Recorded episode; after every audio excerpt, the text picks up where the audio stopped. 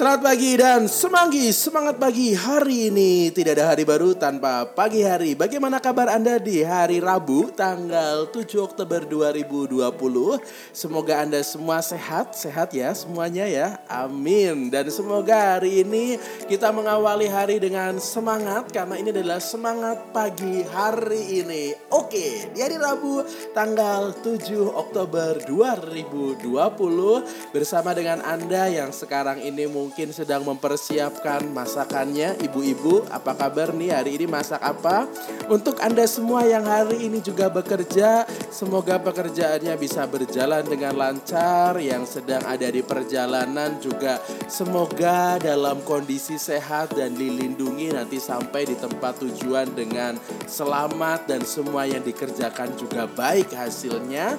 Untuk anda semua yang sudah mulai prepare untuk pekerjaannya selamat bekerja dan semoga semangat pagi ini dan juga harapan-harapan pagi ini jadi energi yang positif untuk kita semua menghadapi segala hal yang jadi rencana kita dan semua hal yang semoga tidak ada hal buruk di hari ini.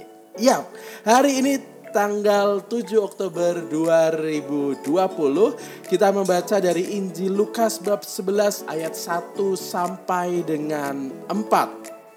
Lukas bab 11 ayat 1 sampai dengan 4. Hari ini kita juga secara spesial kita memperingati peringatan wajib Santa Maria Ratu Rosario. Maka bagi Anda semua yang ingin membaca secara langsung kitab suci atau Injil dari Lukas bab 11 ayat 1 sampai dengan 4, silakan Anda pause suara saya lalu buka kitab suci Anda ataupun handphone Anda supaya bisa baca kitab sucinya secara penuh. Ya, Injil Lukas bab 11 ayat 1 sampai dengan 4 ini bercerita atau berkisah tentang para murid yang datang kepada Yesus di saat Yesus sedang berdoa. Mereka minta kepada Yesus supaya murid-muridnya itu diajari bagaimana caranya berdoa sebagaimana Yohanes telah mengajar murid-muridnya. Jadi mungkin para murid melihat Yesus yang doanya kusuk sekali gitu ya. Mereka lalu mulai pingin tahu caranya berdoa itu seperti apa. Lalu dia ketemu Yesus dan minta Tuhan, bu saya diajari caranya berdoa gitu.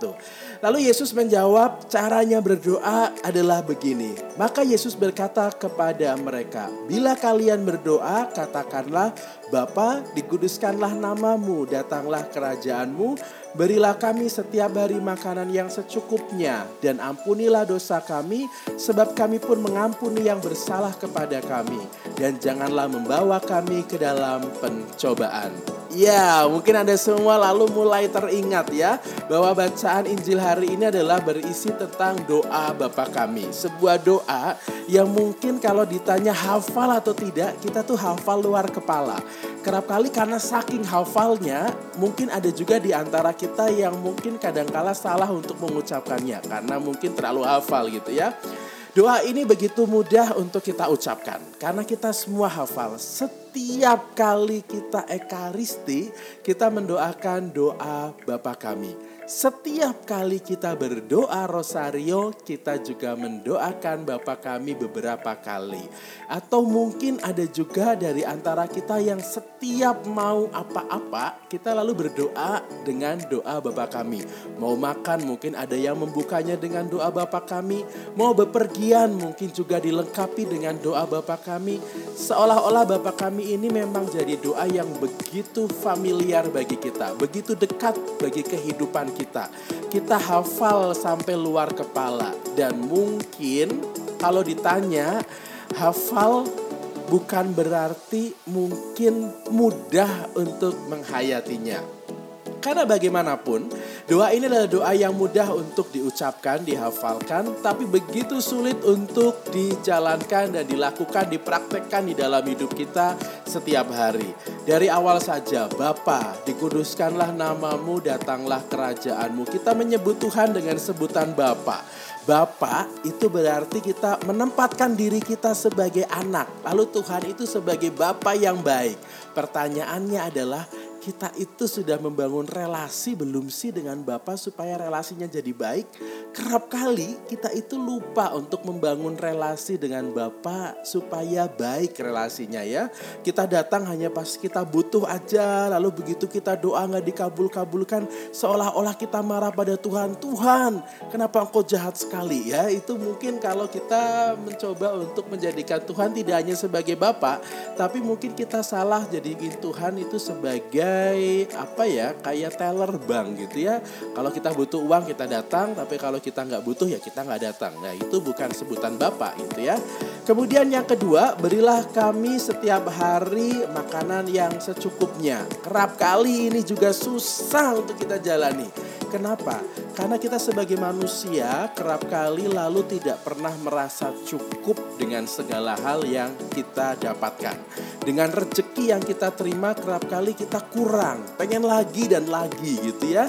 Sampai-sampai lalu kita lupa bahwa apa yang Tuhan berikan itu harus kita syukuri, harus kita nikmati dengan penuh rasa bahagia dan syukur-syukur kita lalu berbagi dengan banyak orang.